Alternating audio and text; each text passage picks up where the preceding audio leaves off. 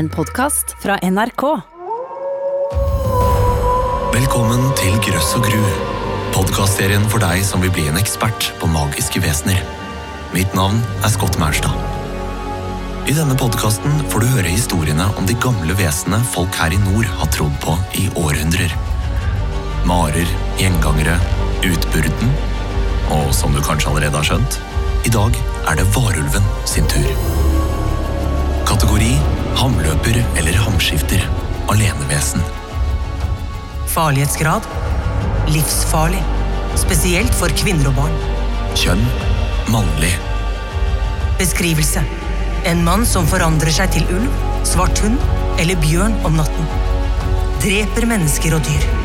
Noen menn kunne bli varulver frivillig gjennom en djevelpakt. De kunne smøre seg inn med en salve de hadde fått av djevelen, eller ta på seg et belte av ulveskinn. Andre ble varulver uten at de ville det, ved at de fikk kastet en forbannelse over seg. Kjennetegn en mann med sammenvokste øyebryn.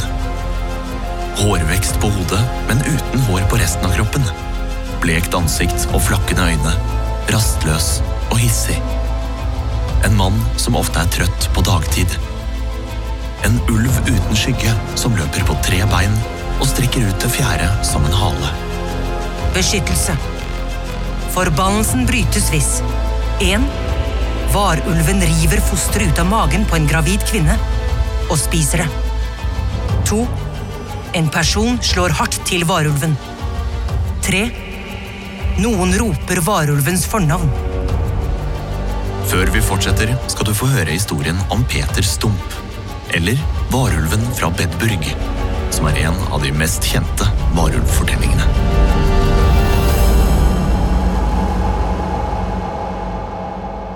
På slutten av 1500-tallet begynte plutselig mennesker å forsvinne sporløst i Köln i Tyskland. Barn ble borte fra gårdene sine, mens unge kvinner forsvant fra stiene de gikk hjem fra jobb på hver dag. Noen av dem ble funnet drept i skogen og fryktelig lemlestet. Kroppsdelene var revet i stykker, akkurat som om et rovdyr hadde angrepet dem. Sultne ulver ble mistenkt, og landsbybeboerne bevæpnet seg mot dyrene. Det brøt ut panikk, folk var livredde og turte bare å gå ut i store grupper. I 1589, etter flere år med forsvinninger og drap, lyktes endelig noen jegere med blodhunder å spore udyret. De jaget vesenet som løp på alle fire gjennom skogene. Men da de skulle til å skyte det, sto det plutselig bare en mann der.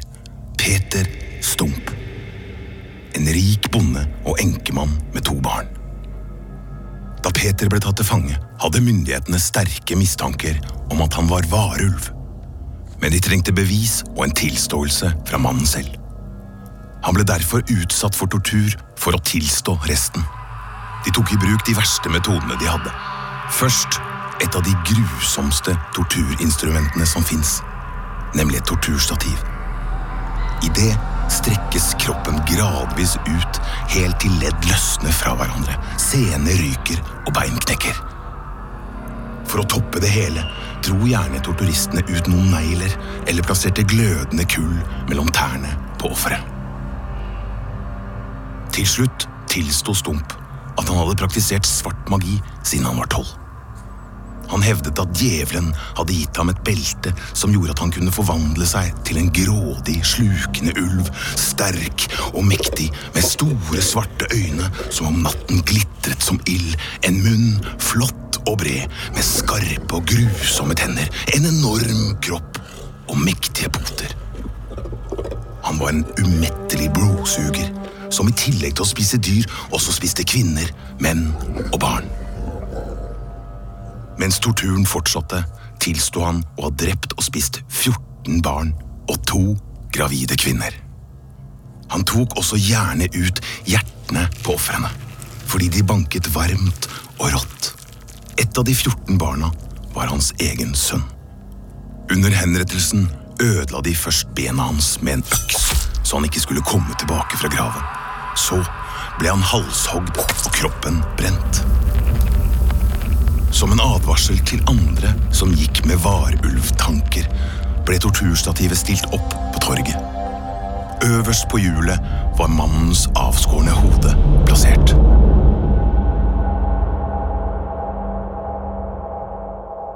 Jeg regner med at de fleste av dere vet hva en varulv er. Kanskje har dere eksempel sett Twilight-filmene, eller lest bøkene. Troen på hamskifte, eller menneskers evne til å forvandle seg til dyr, er noe folk her oppe i nord har snakket om til alle tider. I vikingtiden trodde man at de villeste krigerne, de som ble kalt berserker, kunne skifte ham og bli til ulver eller bjørner. De fleste varulvene er ofte et tragisk vesen, som må leve med angsten for å skade sine medmennesker når hamskiftet kommer.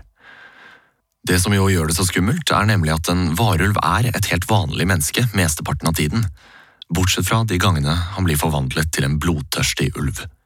For noen skjer det hver natt, for andre på torsdagsnetter, og for enkelte bare på julaften. Når en mann er i ulveham, og ja, dette er som regel alltid en mann, har han alle ulvens egenskaper, men er dobbelt så farlig, siden han også har menneskets intelligens og sluhet. Og i motsetning til for eksempel vampyren, som har noe både elegant og erotisk ved seg, er varulven mer som et rovdyr. Han blir vill og gal, oppfører seg ubehersket, får voldsom styrke og er ute etter å skade og drepe både venner og fiender, mennesker og dyr. Det finnes flere måter å bli kvitt varulv på. Jeg skal snart komme nærmere tilbake til dette, men jeg kan si såpass at eh, noen ikke har villet det, og å leve med angsten for å skade folk rundt seg når hamskiftet kommer. Andre har valgt det selv og er blitt til blodtørstige uhyrer. Og når vi snakker om blodtørstige uhyrer, i senmiddelalderens Europa tok det helt av og endte i en hysterisk jakt på demoniske varulver. Vi starter nettopp der, i varulvens storhetstid. Fra denne tida stammer også historien du hørte i innledningen om Peter Stump, varulven fra Bedburg. I 1400- til 1600-tallets Europa trodde folk fullt og helt på at varulver eksisterte. Teologer og jurister skrev lærde avhandlinger om dem, mens den livredde befolkningen barrikaderte dørene om natten. Tusenvis av menn som ble mistenkt for å være varulver, ble torturert, stilt for retten og brent på bålet. De aller fleste var uskyldig anklaget, men blant de dømte var også noen av kriminalhistoriens verste uhyrer, noe denne historien fra Jurafjellene nordøst i Frankrike viser. Sola var i ferd med å gå ned. De tre bøndene kastet urolige blikk mot den glødende kveldshimmelen og skyndte seg videre. Med ett ble den stille kvelden flerret av en grusom lyd. Det langstrakte hylet fra en ulv og fortvilte skrik fra en ung jente. Etter at varulven hadde kommet til byen, gikk folk bare ut hvis de måtte, og aldri alene. Varulven hadde alt drept to barn, og ingen visste når den ville slå til igjen. Men nå måtte de overvinne frykten. Bøndene grep økser og høygafler og styrtet av sted. De fant jenta i et skogholt. Hun var død.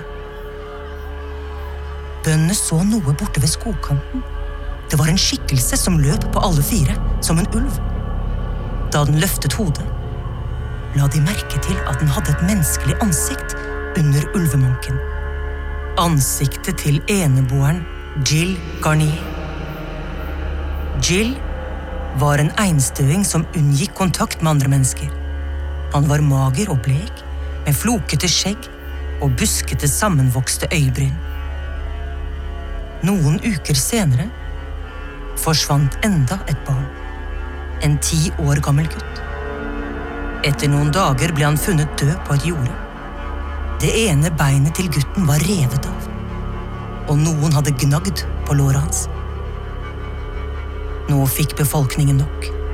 Parlamentet påla alle innbyggerne i området å samle seg med stokker, spyd og våpen for å jage, forfølge og drepe varulven. Kort tid etter ble Jill Garnier pågrepet og ført til magistraten. Rettsprotokollene fra saken er bevart.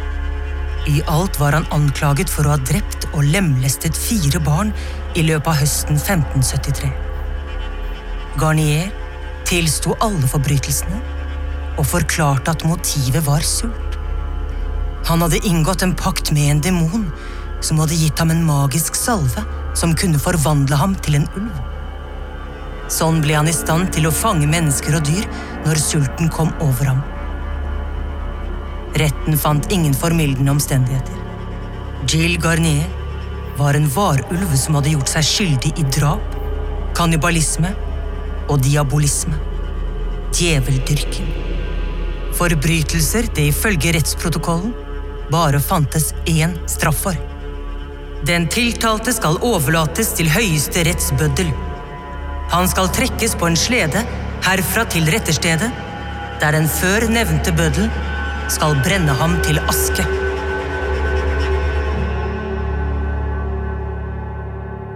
Før jeg forteller videre om varulven, tar jeg en liten faktastopp.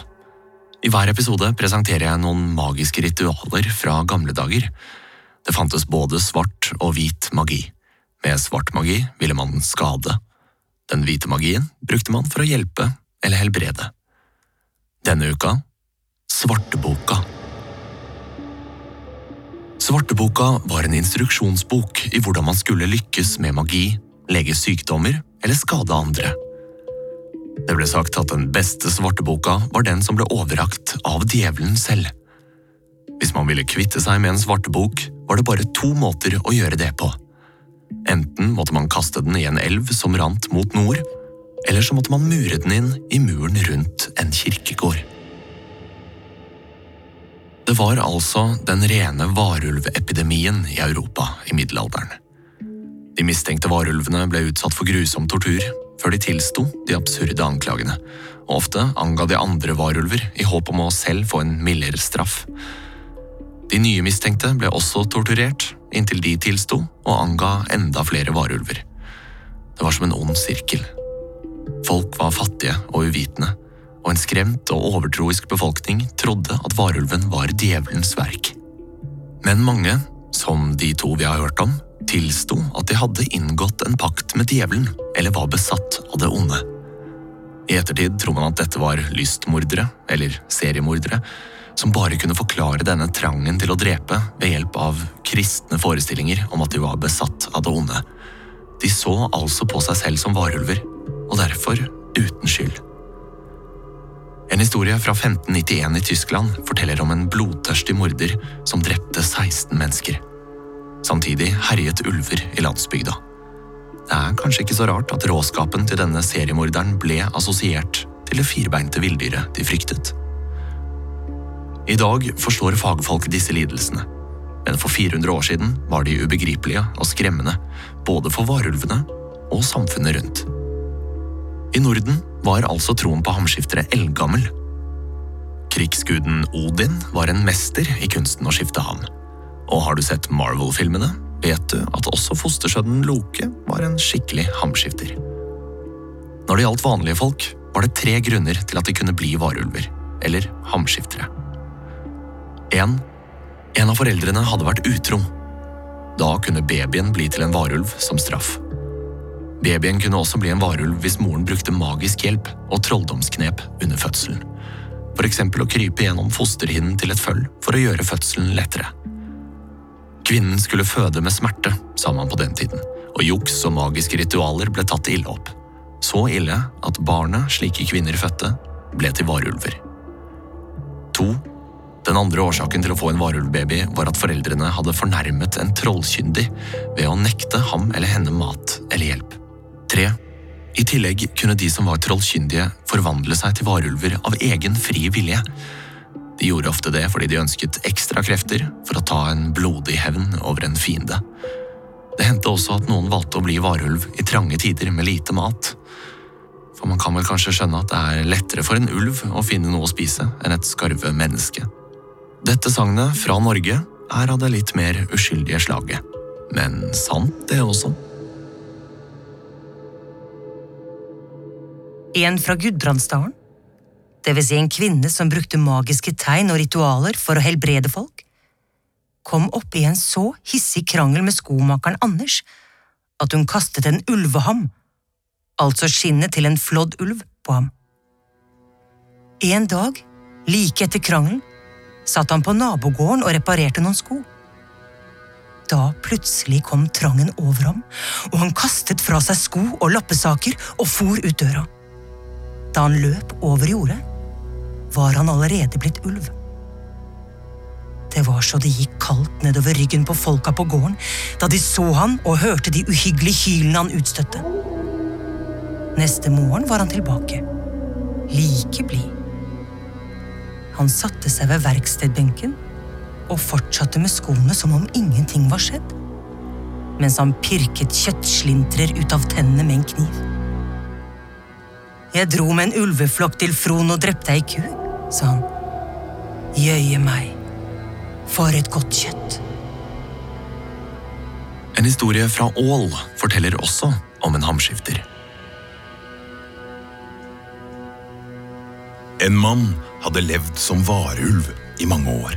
Da han kom tilbake som vanlig menneske igjen og hørte ulvene hyle der ute, kunne han si uff, jeg syns så synd på dem. De er sultne, jeg vet hvordan det er. Og så slapp han ut ei ku til dem. Det var ofte synd på varulvene. De kunne være vanlige familiefedre, men fordi noen hadde kastet en trolldom over dem, ble de plutselig forvandlet til blodtørstige vesen. Hvis man ville befri varulven fra forbannelsen, kunne man slå ham over ryggen med en stokk.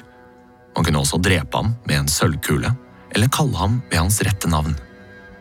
En varulv som ikke ville være varulv, kunne angripe en gravid kvinne, rive ut fosteret fra magen hennes og spise det. Dette gjorde at gravide gikk i konstant frykt for varulver, og sjelden fikk være alene. Det var nok at det var en annen sammen med henne for å holde varulven unna, om det så bare var et barn. En langt snillere metode var om noen som møtte en varulv syntes synd på den og ga den mat. Da ble også forbannelsen brutt. Nå skal du få høre en historie fra Sverige, som det fins mange varianter av i Norden. Sagnet om mannen med tøyfiller mellom tennene. En kveld jeg gikk tur med hunden min Bobby i lysløypa der jeg bor, kom det plutselig en diger, svart hund løpende mot oss. Den kastet seg over Bobby, og jeg var sikker på at den kom til å rive ham i fillebiter. Heldigvis fikk jeg se en lang stokk på bakken. Jeg dro den til meg, og på rent instinkt slo den svarte hunden hardt over ryggen. Da var det som om forhekselsen ble brutt. Den svarte hunden bjeffet kort og lusket så av gårde med halen mellom beina. Bobby og jeg var nesten i sjokk, og helt skjelvende begge to. Da jeg flere år senere fortalte dette til venninnen min Anne, kom hun på en lignende historie fra hjemstedet sitt langt nord i landet. Det var bestemoren som hadde fortalt henne den da Anne var liten, og hun hadde aldri glemt den. Da bestemoren til Anne var ung, bodde det et ungt par på nabogården. De hadde akkurat flyttet dit, og nå ventet de sitt første barn. Kvinnen var høygravid og sliten, så en kveld foreslo mannen at de skulle gå en tur når han var ferdig med fjøstellet. Han hadde til og med pakket en kurv med noe godt å spise som de kunne kose seg med. De hadde ikke gått langt, da kvinnen syntes at mannen begynte å oppføre seg merkelig. Han var både rastløs og urolig, og svettet unormalt mye i den milde sommerkvelden. Jeg må bare ordne noe, sa han plutselig. Og hvis det kommer en svær, svart hund, må du love meg at du slår den over ryggen med denne. Og så ga han henne en trepinne før han la på sprang inn i skogen. Kvinnen sto forvirret tilbake med pinnen i hånden og prøvde å skjønne hva som hadde skjedd. Og akkurat da kom en svart, ulveaktig hund ut av skogen og gikk til angrep på henne. Hun krøp sammen på bakken for å beskytte barnet i magen. Hun hogg tak i beina hennes. Heldigvis hadde hun et skjørt av tjukt, blått stoff som beskyttet henne mot det verste. Og så kom på pinnen som mannen hadde gitt henne, og som hun fremdeles holdt i hånden. Utstyrt med krefter hun ikke visste at hun hadde, klarte hun å vri seg sånn at hun fikk gitt hunden et hardt slag over ryggen. Hun bjeffet til, slapp tak i kvinnen og forsvant inn blant trærne igjen. Like etterpå kom mannen hennes løpende ut av skogen. Han smilte bredt, og kvinnen oppdaget at han hadde trevler av blått stoff mellom tennene. Da skjønte hun hvem hun hadde slåss med. Å nei, sa hun med gråten i halsen. Du er varulv! Ikke nå lenger, sa mannen og klemte henne. Da du slo meg over ryggen, befridde du meg fra den forbannelsen moren min ga meg. Det er derfor man alltid skal ha med seg en kjepp når man er ute og går, sa venninnen min Anne da hun hadde avsluttet historien. Det vet barn. Det er derfor de alltid samler på pinner. Og den som hadde vært varulv, men lykkes med å bli kvitt forbannelsen, kunne forstå ulvespråk resten av livet. Som vi vet, oppsto mange av sagnene vi kjenner fra gammel nordisk folketro ut fra behovet for å forstå og håndtere hendelser og opplevelser som var vanskelige å forklare, og ønsket om å advare folk mot ting som kunne være farlige for dem. Ulver ble ansett for å være veldig farlige, så historiene og sagnene om varulver ble nok også fortalt for å advare folk mot ulver og andre rovdyr, og kanskje var det et element av fremmedfrykt til stede også. Helt på tampen, en eh, liten fun fact. Har du noen gang hørt uttrykket 'han er en ulv i fåreklær'? Det sier man om et menneske som først virker snill og uskyldig, men som egentlig er det motsatte. Har du tenkt på at det er en varulv de snakker om? Nå skal jeg straks runde av, men som vanlig gir jeg deg et enkelt og litt ekkelt magisk triks som folk i gamle dager brukte for å beskytte seg mot trolldom, ondskap og magi, nemlig tiss. Tiss ble brukt når man trengte å skylle øynene, rense sår, stelle betennelser og skabb. Skabb klør noe helt vanvittig. Det var jo bra hvis tisset hjalp. Hvis man drakk sitt eget tiss, kunne det kurere hoste og sørge for at du ikke fikk kolera, som var 1800-tallets store epidemisykdom i Norge. Malaria, en alvorlig tropesykdom som man får via malariamygg, kunne kureres ved at man kokte et egg i tisset til den som var syk, og la det i en maurtue. Eller så kunne man blande tisset til den som var syk, i en kakedeig, og la en hund spise kaka når den var ferdigstekt. Grøss og gru er produsert for NRK av Svart Trost Produksjoner. Mitt navn er Scott Maurstad. Du hørte også stemmene til Stig Henrik Hoff og Hedda Munthe. Denne serien er bygget på den svenske bokserien Vesenologi av Ingela Korsell. Manusredaktør er Ingrid Greaker Myhren. Musikklipp og lyddesign er av Peter Baden. Redaktør i NRK er Gitte Kalmeier.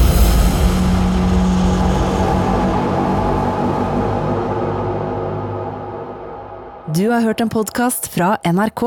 Hør flere podkaster og din NRK-kanal i appen NRK Radio.